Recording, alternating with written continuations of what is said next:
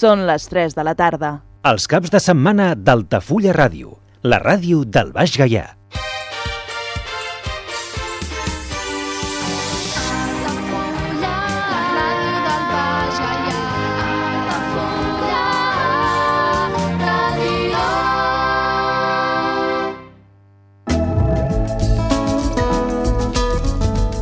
L'agenda a Altafulla Ràdio. Descoberta de l'entorn natural d'Altafulla, itinerari pels arbres d'interès, dissabte 6 de maig a les 10 del matí des de davant del Museu Etnogràfic. Reserves al 655 486 115 i a joan arroba ordelacínia.com. Aportació 2 euros. Albert Pla en concert presenta Os acordáis? Dissabte 6 de maig a les 8 del vespre a la Violeta. Entrades a la violeta.sacatuentrada.es, a l'oficina de turisme i a la màquina d'informació de la plaça del Pou. Concert del cicle Altafujàs amb Juan de Diego. Presenta Grevalariac. Dissabte 6 de maig a les 8 del vespre a la Pallissa de l'Era del Senyor. Art al carrer, Mercat d'Art, diumenge 7 de maig de 10 del matí a 3 de la tarda a l'Era del Senyor. Organitza Cercle Artístic d'Altafulla. Actuació de ball de l'Escola Dans Clas d'Altafulla en motiu del Dia de la Dansa. Diumenge 7 de maig a dos quarts de 6 de la tarda al Parc del Comunidor. Organitza Dans Clas. Presentació del llibre Per culpa teva, de Ramon Creus Pardina. Dimecres, 10 de maig a les 6 de la tarda a la Biblioteca Municipal. Contacontes del Consell Comarcal del Tarragonès. Viure en pau, plantar patates i somiar, amb Imma Pujol. Dijous 11 de maig a les 5 de la tarda a la Biblioteca Municipal. Concert multisensorial solidari amb el Dia Mundial del Lupus, a càrrec del grup Sambach i el pianista Pol Onate. Dijous 11 de maig a dos quarts de vuit del vespre a la Violeta. Cinema, cicle documental amb La Bordeta, un hombre sin más, amb la presència dels seus directors i la participació especial de Dani Flaco. Divendres 12 de maig a les 7 de la tarda a la Violeta. Entrades a la violeta.sacatuentrada.es, a l'oficina de turisme i a la màquina d'informació de la plaça del Pou. Col·labora Link Altafulla. Visites guiades a la Vila Closa d'Altafulla cada primer dissabte de mes a les 11 del matí amb sortida des de la porta reixada del castell. Preu de la visita 4 euros. Més informació i reserves a l'oficina de turisme d'Altafulla i al telèfon 977 65 14 26. Visites guiades al castell d'Altafulla cada primer dimarts i últim dissabte de mes de 10 del matí a 1 del migdia. Més informació i reserves a l'oficina de turisme d'Altafulla i al telèfon 977 65 14 26. Programació de la sala La Violeta. Informació i venda d'entrades a lavioleta.sacatuentrada.es, a l'oficina de turisme i a la màquina d'informació de la plaça del Pou.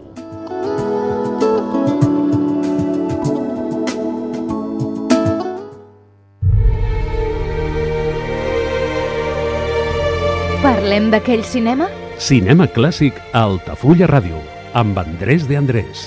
On la música de cinema és el fil conductor. Cada cap de setmana a Altafulla Ràdio parlem d'aquell cinema? Rebem la salutació d'Andrés de Andrés. Amb l'espai radiofònic parlem d'aquell cinema. Parlar d'aquell cinema és parlar de tot allò que sigui relacionat amb el cinema. Avui parlem d'una obra teatral relacionada amb el cinema perquè es va fer una magnífica pel·lícula de l'obra Porgy and Bess. Aquesta va ser una obra que va ser feta amb diversos aspectes amb el teatre. Cantat, sense cantar, o sigui, tot en prosa, i, bueno, d'una manera o de l'altra, va anar, va anar seguint i va anar guanyant uns adeptes, uns altres la trobaven racista, bueno, i així va anar-se fent. I l'obra va arribar a un moment en què es va estrenar i va començar a tindre els seus èxits. Eh, van expressar diferents graus d'interès, però va anomenar-se compromisos previs. En Golvin Mayer, finalment, va contractar a N. Richard Nash, qui va completar un llarg primer borrador en desembre de l'any 1957. Pel director, Golvin va buscar a Elia Kazan, Frank Capra o King Video sense èxit. No van voler-la fer. Finalment es va decidir per Robert Momolany, qui havia dirigit les produccions originals de Broadway, tant de l'obra Porky com la seva adaptació operística. El guió de Malls va canviar pràcticament tot el recitatiu cantant el diàleg parlat, com el renaixement escènic de 1942.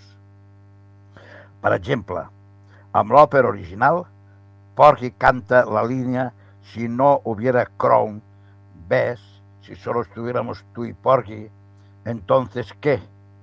Sobre la qual ves es llança a duo Love You Porgy. Amb la pel·lícula es parla de la línia.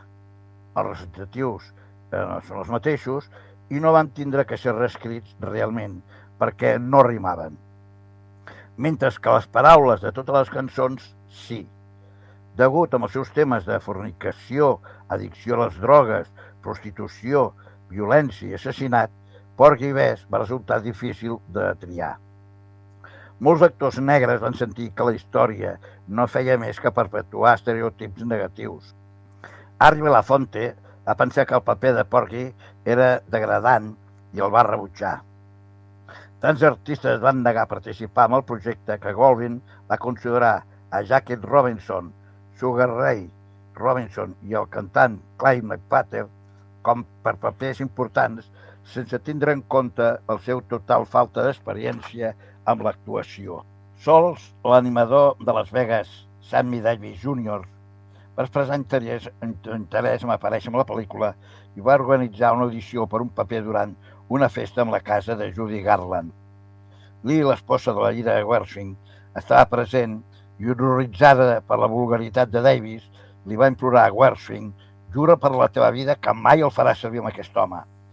El productor, que va anomenar brolament a Davis aquest mono li va assegurar que no el contractaria i li va oferir el paper a Sporting Life a Cap Calloway. Quan Calloway es va negar, Davis va fer que Frank Sinatra i alguns dels seus associats pressionessin a Godwin i finalment li va anunciar a Davis el paper és teu. Ara em trauràs a tots aquests tipus de la meva esquena? Goldwyn li va oferir a Sidney Portier 75.000 dòlars per interpretar a Porgy. L'actor tenia sèries reserves sobre el paper i inicialment el va rebutjar, però el seu agent va fer que Godwin creiés que podia persuadir el seu client perquè protagonitzés la pel·lícula. Això va resultar infructuós i Godwin va amenaçar amb demandar l'actor per incompliment d'un contracte oral. Quan Potier va donar compte de que la seva negativa a protagonitzar Porky podria posar en perill la seva aparició amb la pel·lícula de Stanley Kramen, Los Desafiantes, va reconsiderar i va acceptar de mala gana, assegurant-li a Goodwin que faria el paper el millor que pogués, donades les circumstàncies. Anem a sentir la primera peça de Porky and Bess d'aquesta segona part. El títol No és necessàriamente així.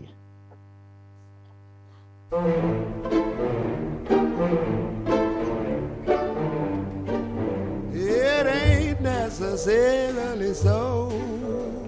It ain't necessarily so. The things that you're liable to read in the Bible,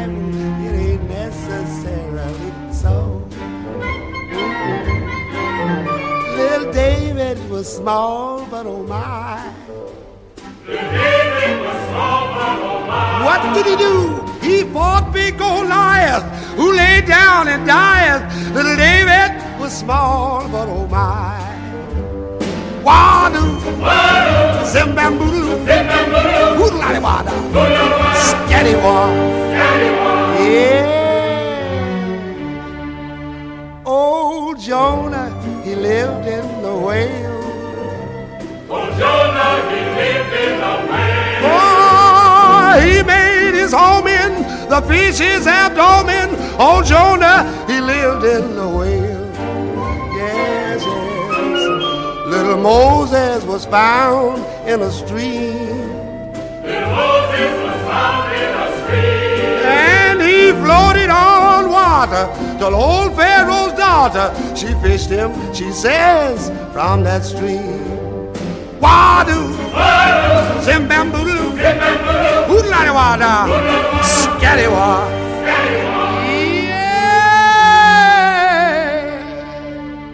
Yeah, it ain't necessarily so. It ain't necessarily so. They tell all the children the devil's a villain but they ain't necessarily so.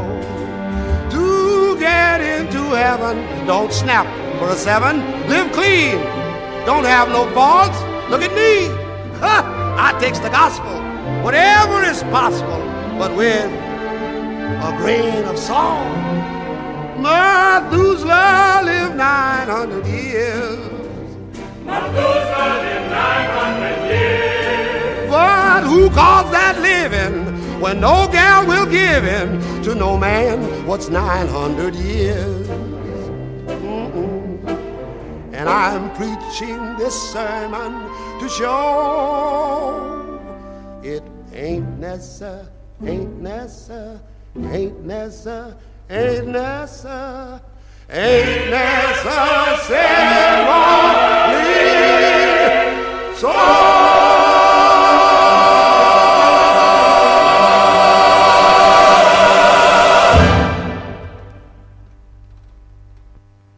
Metjo Muriel Smith, co-creador, repartiment doble amb la soprano Muriel Rang, del paper principal de Broadway en Carmen Jones d'Oscar Hammerstein i creador del paper de Bloody Mary amb el repartiment original de Londres de Sud Pacific de Rogers i Hammerstein, que la seva obra més important, les assignacions de cant de fantasmes de pel·lícules, incloent el doblatge de Eds a Gabor amb la versió cinematogràfica original de Houston amb Moulin Ruiz de l'any 1952 i de Juanita Hall amb la versió cinematogràfica de Sud Pacific de l'any 1958, va rebutjar l'oferta de Samuel Goldwyn d'interpretar Bess, responent que l'obra Mi gente no la hace bien. Aquesta afirmació contradiu una altra que de la primera i única opció de Samuel Goldwyn per Bess va ser Dorothy Dandridge, qui va acceptar el paper sense entusiasme. Els seus mm, coprotagonistes de Carmen Jones, Paul Bailey, Brooke Peters i Diana Carroll també van acceptar papers, però a tots els preocupava com serien retratats els seus personatges. Bailey va advertir als dissenyadors de vestuari Irene Sharaf que no fes servir mocadors perquè no estava disposat a aparèixer a, a semblar-se a la tia Jerem- Jemima. Completant l'equip creatiu primari estava el dissenyador de produccions Oliver Smith, qui recentment havia guanyat el Premi Tony al millor disseny artístic per Fair, My Fair Lady, Mm, i André Previn i Ken Derby, qui van supervisar la música.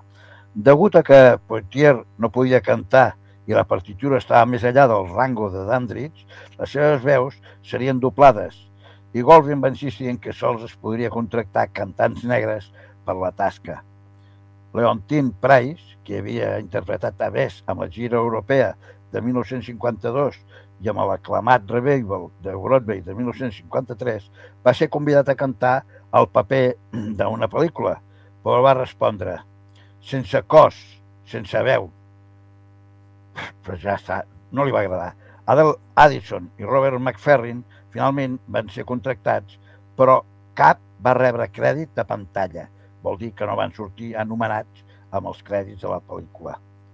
A pesar de la intenció de Goldwyn de que la música sonés el més semblant possible a l'òpera original, va permetre que Previn i el seu equip tornessin a marcar per complet i inclús canviessin el subratllat escoltant durant les escenes de lluita i en diversos altres moments, així com l'obertura de la pel·lícula.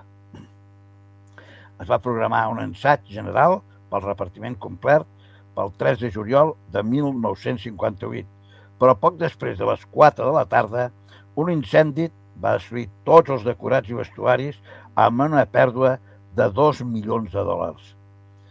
Van començar a circular rumors de que l'incendi havia sigut provocat per, en fi, per piròmans negres determinats a tancar la producció d'immediat, per acabar amb d'aquesta obra cop ja per sempre.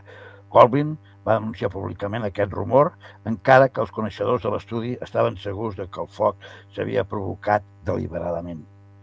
La producció es va interrompre durant sis setmanes per permetre tota la reconstrucció. Durant aquest temps, el director Momoline va xocar repetidament amb el productor sobretot amb els aspectes de la pel·lícula, el que va portar a Goldwyn a despedir-lo. William Whalers estava disposat a intervindre si Goldwyn podia posposar el projecte per uns mesos, però el productor va optar per reemplaçar a Mulane a Moto Preminger, que ja havia començat a preparar Anatomia d'un assassinato, de l'any 1959, i Èxodos, de 1960, però estava disposat a deixar-los a tot a un costat per tindre l'oportunitat de dirigir a Porky i Bess.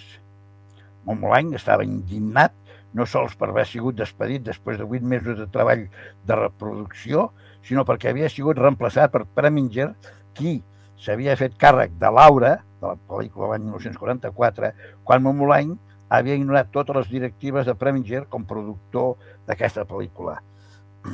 Dient que Goldwyn l'havia despedit per raons frívoles, rancoroses i dictatorials, no pertenents, no perteneixent a l'habilitat o obligació del director, va portar el seu cas al director School of American, que va notificar a tots els seus membres, incluïts Preminger, que no podien firmar un contracte amb Goldwyn. Això va portar a l'Associació de Productors d'Amèrica a involucrar-se. Van insistir en que Goldwyn tenia dret a canviar de director i que no havia incomplert el contracte perquè li havia pagat amb el Molany amb la seva totalitat, no li devia ni, ni, ni un dòlar. Quan el Molany va canviar de tàctica i va intentar presentar càrrecs de racisme contra Preminger, va perdre tot el recolzament que havia aconseguit reunir i després de tres setmanes l'assumpte es va resoldre a favor de Goldwyn. Molany més tard va intentar obtindre el seu crèdit amb la pel·lícula, però el Gremi de Directors de Pantalla va votar a favor de donar-li el crèdit exclusiu a Preminger. Anem a sentir ara Què quieres con ves?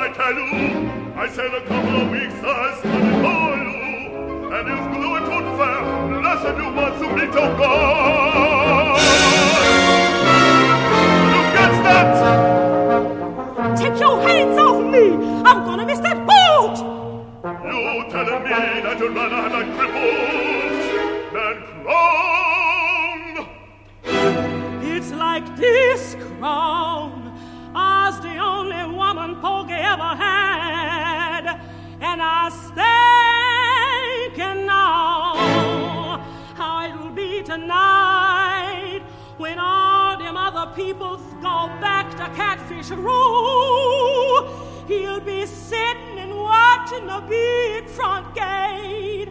Oh, come on.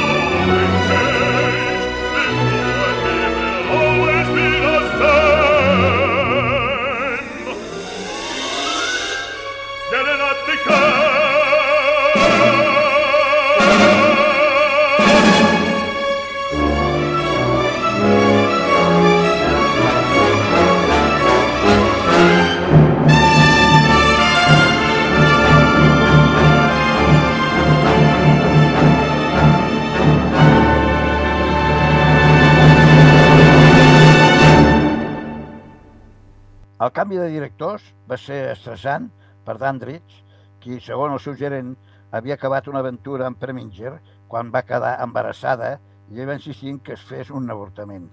Segons el director, havia d'acabar la seva relació amb l'actriu perquè no estava disposat a casar-se amb ella ni a torejar amb els seus inestables emocions.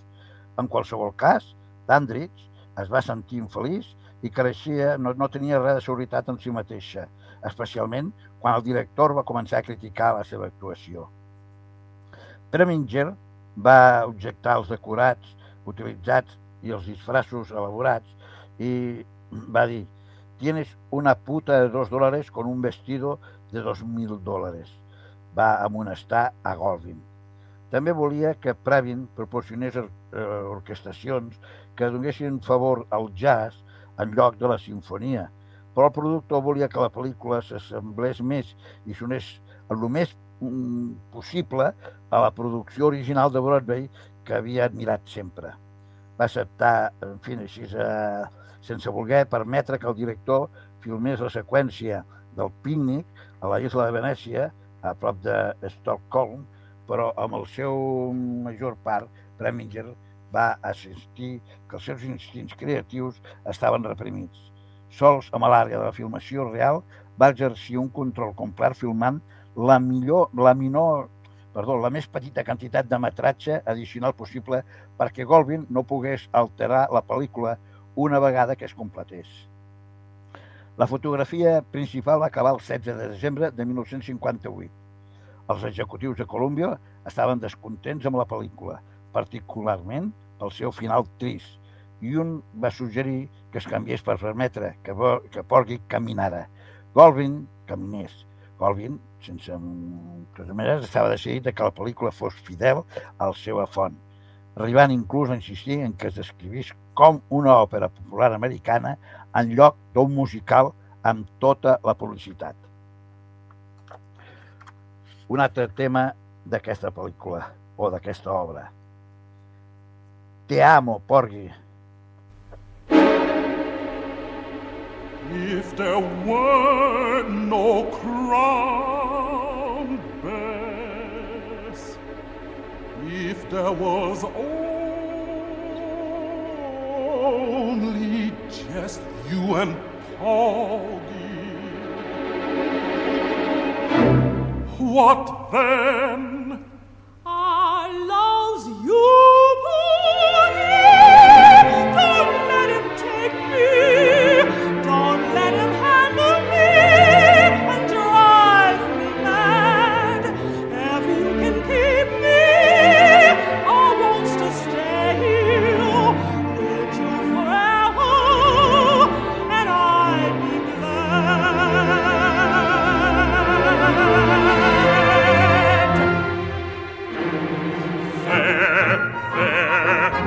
You don't need to be afraid no more. You've picked up happiness and laid your worries down. You're gonna live easy, you're gonna live high, you're gonna outshine every woman in this town. And remember, when a crown comes, that's my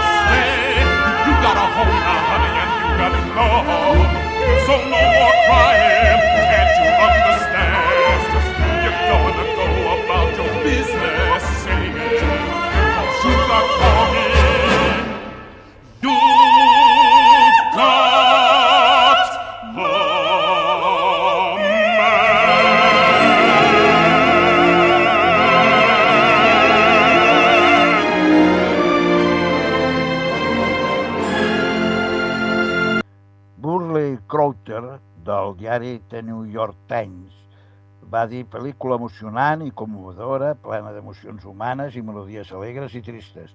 És just ser un clàssic tant a la pantalla com amb l'escenari. El temps observat, Porgy and Bess, és sols un èxit moderat a intermitent com a espectacle musical, com un intent de produir una gran obra d'art cinematogràfica i és un fracàs, a vegades, pesat.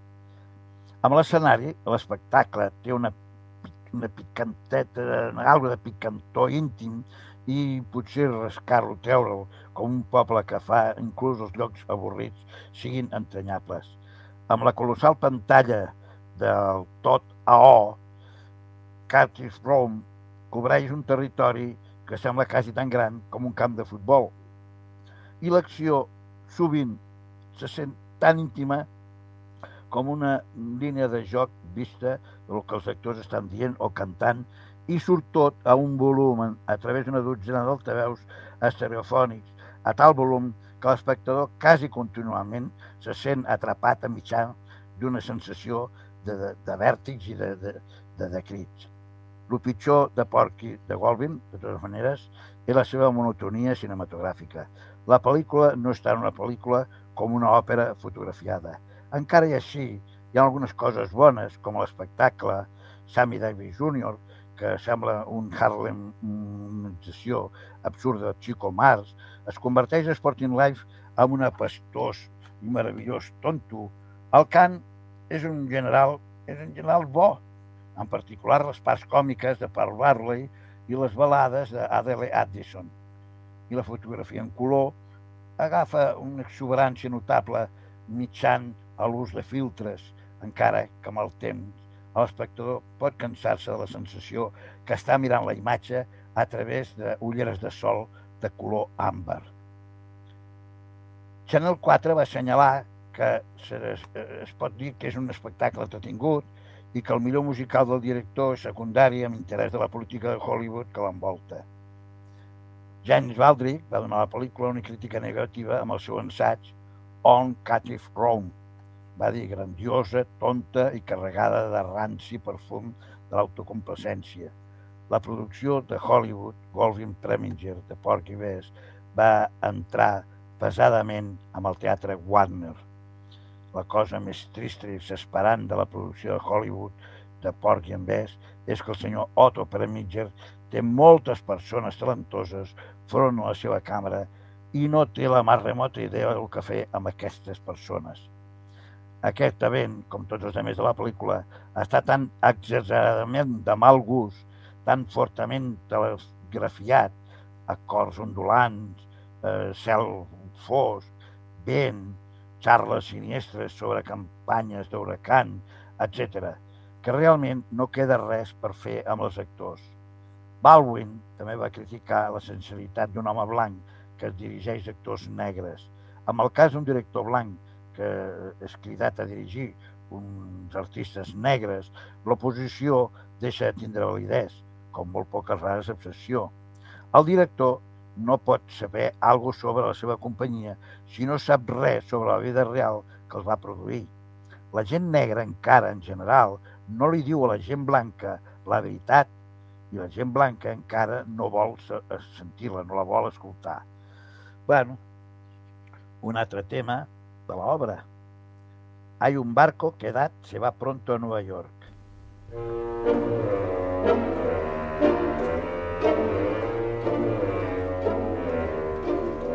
There's a boat that's leaving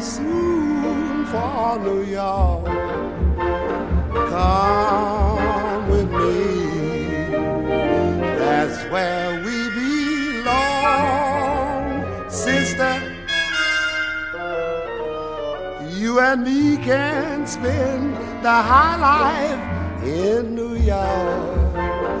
Come with me. There you can't go wrong, sister. I'll buy you the sweetest mansion up on Upper Fifth Avenue. And to Harlem we go strutting, we go strutting, and there'll be nothing too good for you. I'll even dress you in silks and satins of the latest Paris style. And all the blues you'll be forgetting, you'll be forgetting. There'll be no fretting, just nothing but smiles. come along with me. That's the place. Don't be a fool. Come along. Come along.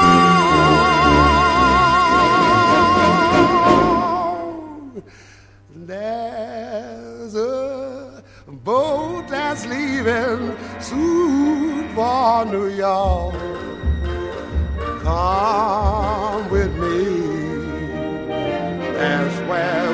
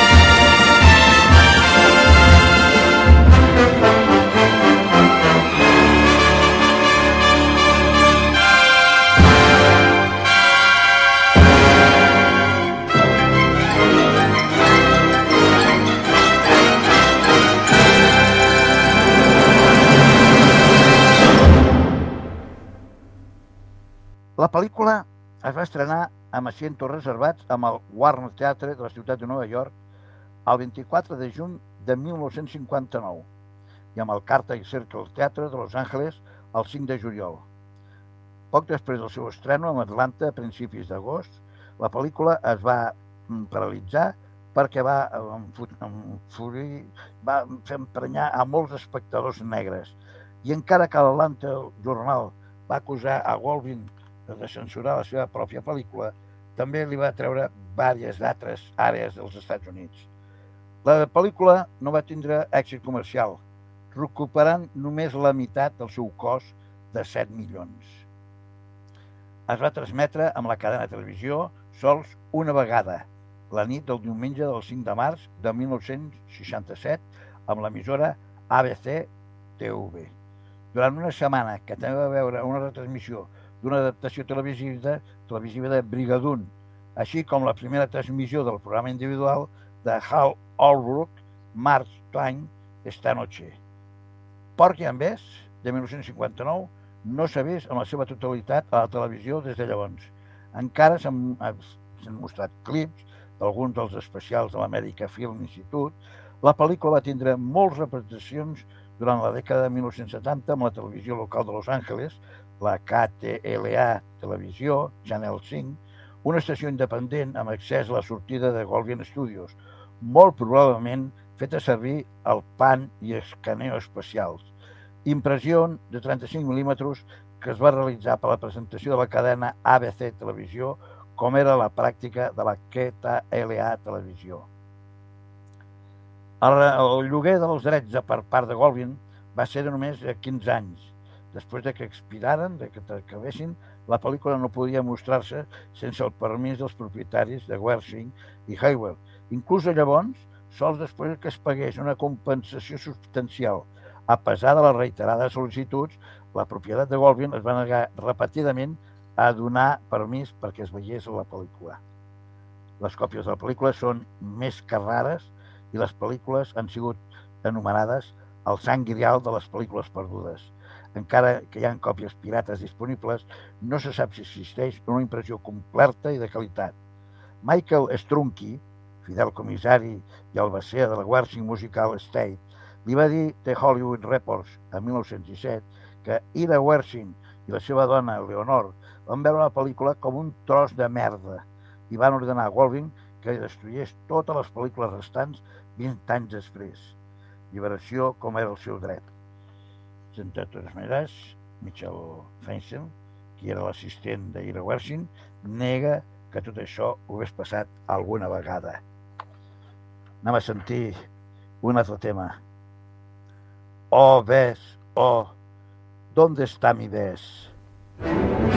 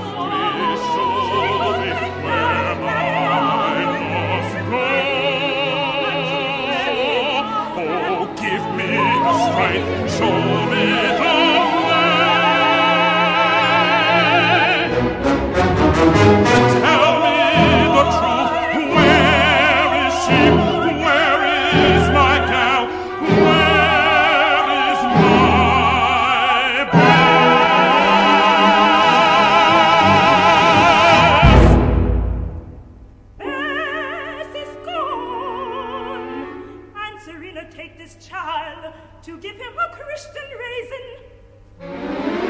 You ain't mean Bess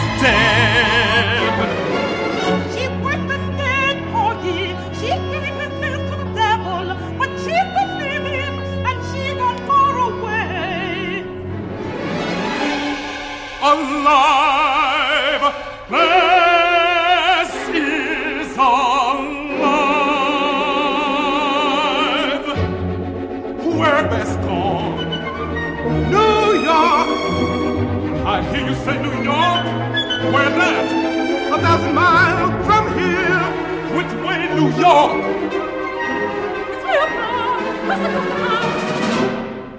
Bring my goat. What with God, Porgy? You must not go in peace. Bring my goat. You brought with me your friend, Porgy. Won't nobody bring my goat?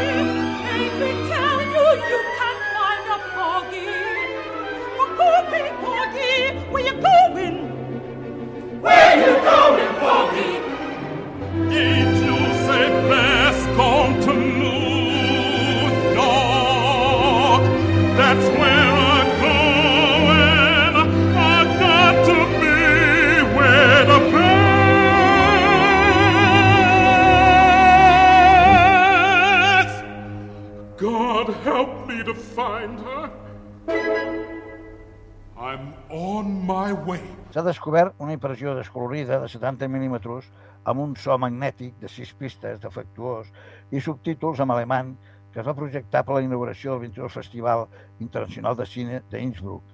No va ser fins 2007 en què es va donar noument, novament una exhibició teatral quan el 26 i 27 de setembre al Teatre Siegfried, amb el centre de Manhattan, ho va presentar amb la seva totalitat, amb música d'obertura, intermig i sortida, seguit d'una discussió amb Preminger, biògraf, Foster Earls.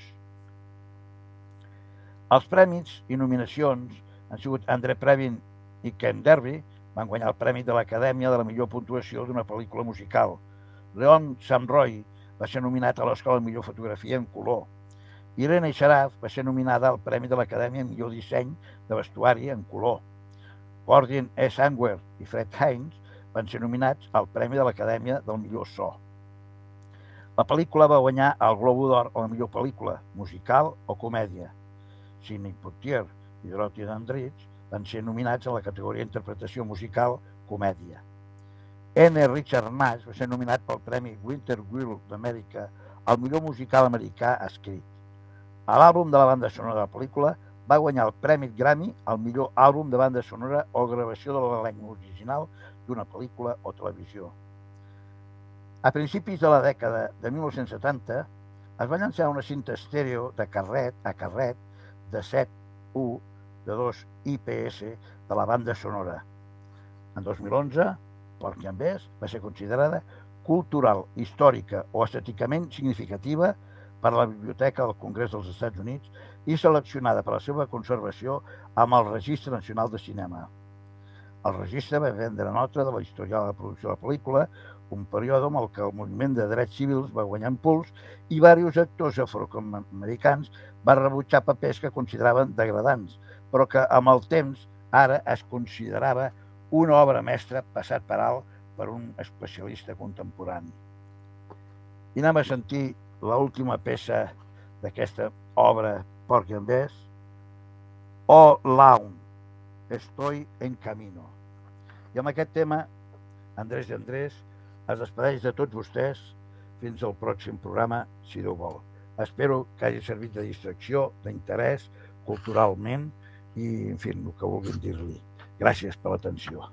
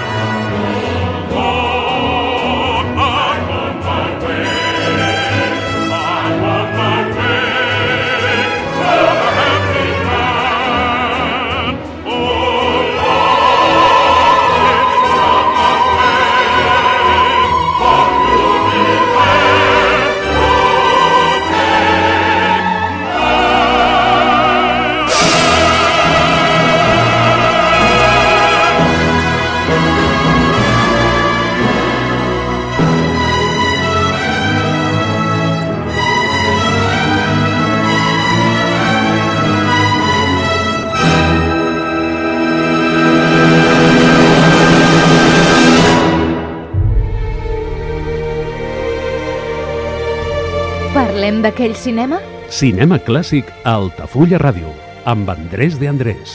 on la música de cinema és el fil conductor. Cada cap de setmana a Altafulla Ràdio parlem d'aquell cinema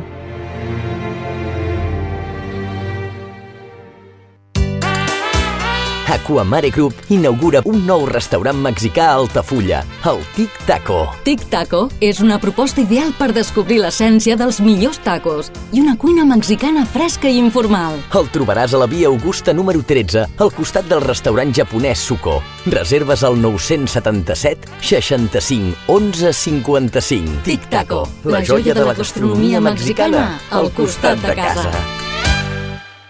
Ja coneixes les propostes que t'ofereix el Club Marítim Altafulla? Vine i descobreix totes les nostres activitats. Sortides en caiac o pa del surf, cursos de vela per a totes les edats. No t'ho perdis i gaudeix d'un dels esports més segurs d'aquest any. Club Marítim Altafulla. Obert tot l'any i per a tothom. El centre d'esports Altafulla juga una temporada més a Altafulla Ràdio. Els groc i negre reben el Club Futbol Calafell en un partit en el qual estan obligats a guanyar després de caure davant el líder, el Segur, i ho faran contra un rival, el Calafell, que juga bona part de les seves opcions de permanència a la categoria. Aquest dissabte, a partir de les 5 de la tarda, segueix el partit en directe a través del 107.4 de la freqüència modulada, al web 3 www.altafullaradio.cat, l'aplicació per a dispositius mòbils o la televisió digital terrestre. El futbol més modest sona Altafulla Ràdio.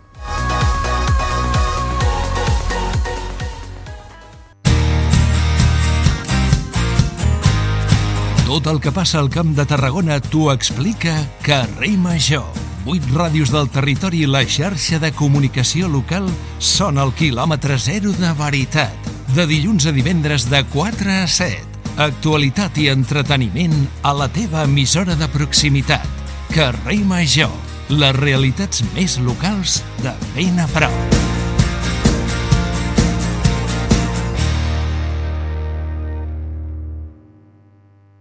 I si he dut bon aliment, amb el blat que hi ha a la barca, també he dut aquest tresor. El ball parlat del Sant Crist de Salomó. Mostra de teatre medieval català, declarat d'interès nacional per la Generalitat de Catalunya. Representacions els quatre primers diumenges de maig. 675 84 58 61 i valldelsancrist.cat.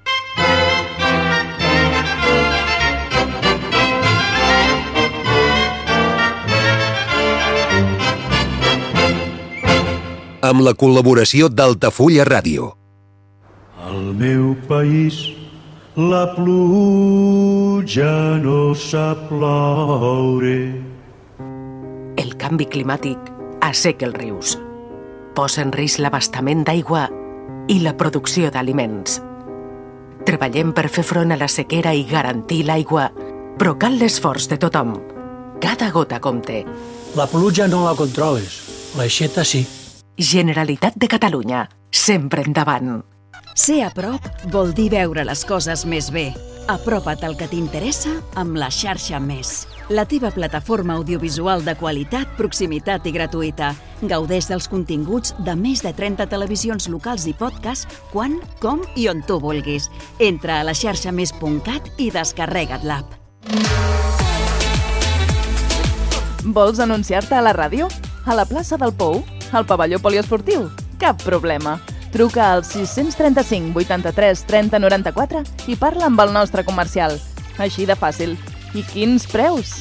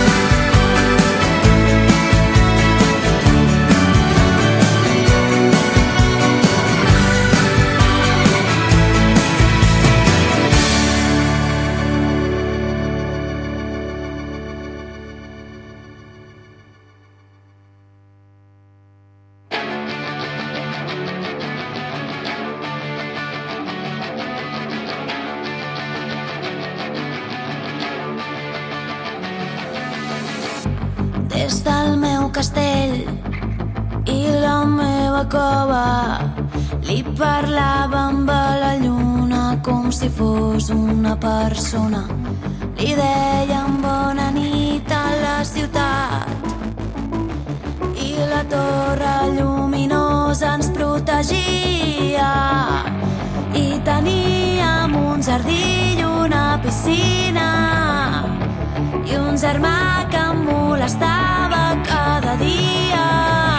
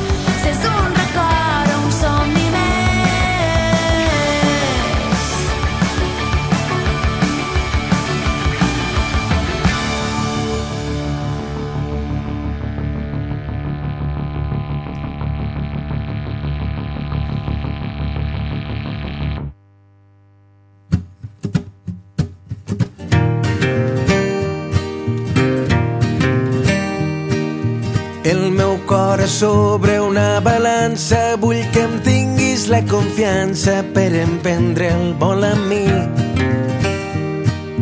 Ja he perdut la por a les altures, jo vull viure d'aventures, estimar-me els cinc sentits. Són les 4 de la tarda. Els caps de setmana d'Altafulla Ràdio, la ràdio del Baix Gaià.